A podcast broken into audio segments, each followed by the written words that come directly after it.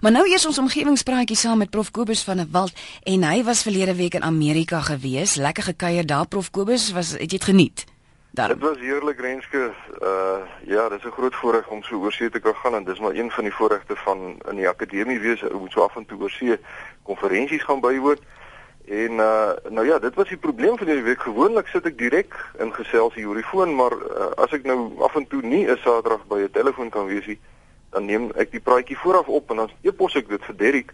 En verlede week uh, was dit nou die eerste keer in 5 jaar dat daar iets verkeerd geloop het, so my verskoning daarvoor. Ja, wat is die tegnologie? Net daarvoor kan 'n mens nou ook help. Nie dit help 'n mens vreeslik baie die tegnologie, maar kan 'n mens ja. ook lelik in die steek laat. Ja, ja man, ek kom toe nou later agter daar was 'n dekselse virus op my rekenaar. Wie ek wens so die mense wat die goed skryf kom iets vreesliks voor sommer vinnig. jou skuld gewees. Maar nou ja. ons wil ons wil 'n bietjie hoor oor jou indrukke in jou in jou uh, oor Amerika en dan ook die Amerikaners ingesteldheid teenoor die omgewing vanoggend. Ja man, uh, dit het my nogal opgeval. Weet jy, daar's eintlik 'n groot kontras tussen Suid-Afrika en dit wat ek nou gesien het uh, in Amerika en ek wil so net so twee of drie goedertjies noem.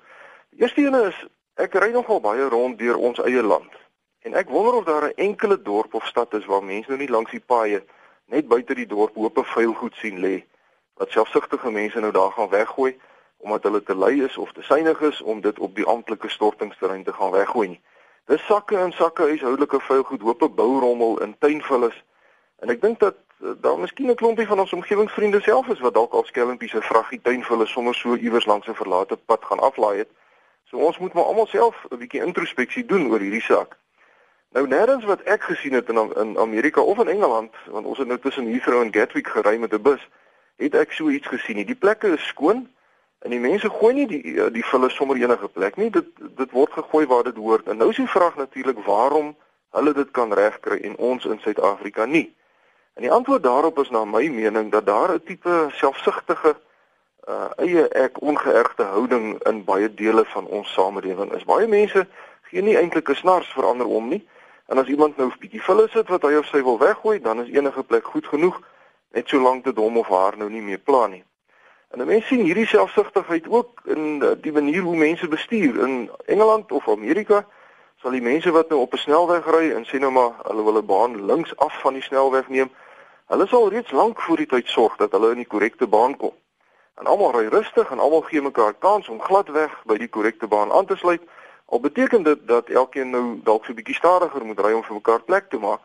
Maar hier by ons gebeur presies die teenoorgestelde. Baie motoriste hou in die vinniger baan tot vlak voor die plek waar hulle nou wil afdraai en dan druk hulle daar voor bloot in. Met die gevolg dat daar spoedig 'n bottelnek vorm en die resultaat is dat die verkeer in spitstye by elke afrit of oprit bykans tot stilstand gaan kom.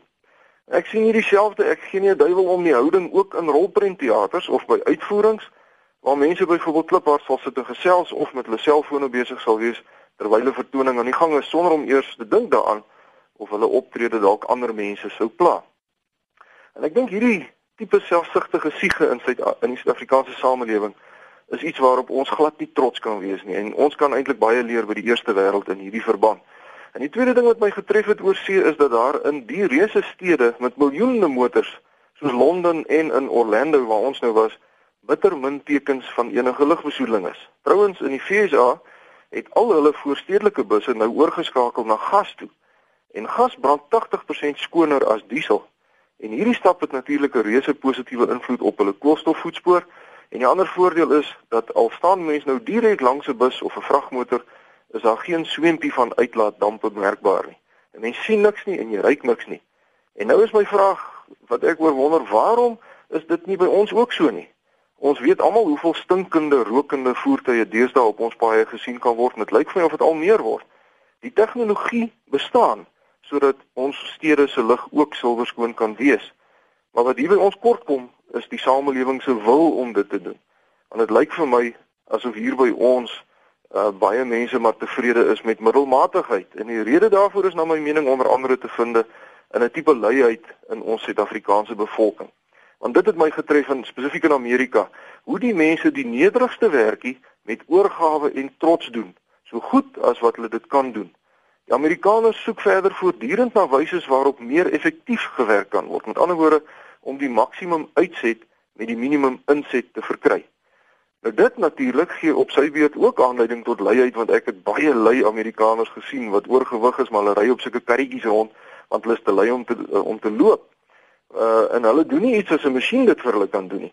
Maar my mening is juis dat hierdie kritieke aspek Amerika die suksesvolle land maak wat hy is, die feit dat die mense heeltyd slimmer probeer werk en nie noodwendig harder nie en dan natuurlik ook hulle uitsonderlike werksetiek. Die konferensie wat ek bygewoon het, was aangebied binne in die Disneyland oord in Orlando in die staat Florida. In 'n geweldige groot konferensiefasiliteit, die grootste wat ek in my lewe nog gesien het. Nou daar is vreeslik baie water in daai deel van Amerika. So daar is bote wat die hele dag op en af ry om die duisende mense in Disneyland nou tussen al die hotelle en die verskillende temaparke te vervoer. Nou ons sou dink dat om nou 'n bestuurder van so 'n boot te wees, 'n nederige 'n half ongeskoelde sieldodende ou werkie is. Maar die mense wat daai bote bestuur dink duidelik nie so nie. Almal is geklee in skitterwit uniforms en by elke vasmeerplek word die veiligheidsprosedures presies nagekom. Met ander woorde, die mense moet wag totdat die boot behoorlik volgens prosedure vasgemeer is voordat hulle mag opklim of afklim en dan is dit ook ordelik en nie soos hier by ons nie. Hier by ons as 'n bus of 'n trein se deure oopgaan, dan storm almal ons gelyk om op te klim terwyl diegene wat binne is teen die stroom probeer afklim.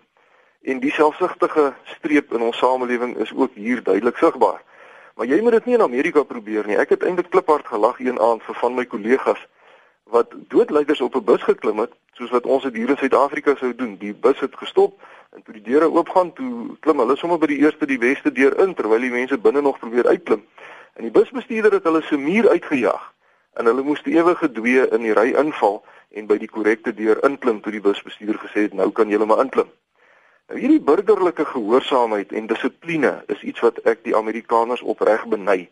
Want dit maak dat alles daar werk, alles is skoon Die mense het trots en menswaardigheid al doen hulle die nederigste werkies en die resultaat is dat daar nie sprake is van rokende voertuie, hoop vullis langs die paaie en oneffektiewe dienslewering nie.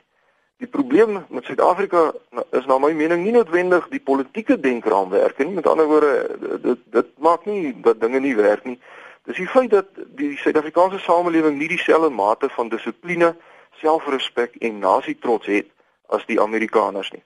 As elke staatsamptenaar hier by ons en elke ou wat 'n werk het, eenvoudig sy werk doen so goed as wat hy of sy kan, maak nie saak watter politieke party hy ondersteun nie, dan sal daar nie goed bestaan soos vuil drinkwater of dreigende beerdkrag of suur mynwater of hoop of vullis langs ons paaie nie, want al die stelsels sal effektief werk soos dit hoort. Elke mens sal sy werk so goed probeer doen as wat hy of sy kan en nie soos tans by baie mense in Suid-Afrika so min as moontlik probeer doen terwyl hy of sy soveel moontlik geld uit die werkgewer probeer uitkry nie. Suid-Afrika en dis vir my die tragiek eintlik kan presies net so suksesvol soos Amerika of Engeland wees. Ek is oortuig daarvan as ons mense net wil. Maar daar ontbreek leierskap in Suid-Afrika om ons samelewing fundamenteel te omvorm want niks minder as 'n fundamentele omvorming is nodig om Suid-Afrika op hierdie volhoubaarheidspad te plaas nie. Ek wil dan dadelik ook sê Renske, Amerika is natuurlik nie die hemel nie. Die hemel kry ons nie op hierdie aarde nie. Daar's baie gebreke en foute, maar ten spyte daarvan kan dink ek kan ons baie by hulle leer. En dan net so terloops, as u al ooit gewonder het wat die mense nou in Disneyland sien. Dis 'n plek vir groot mense, nie 'n plek vir regtig vir kinders nie. Ek kan vanoggend vir u sê dat dit 'n fantastiese plek is. Die Amerikaners se aandag aan detail is eenvoudig verstommend.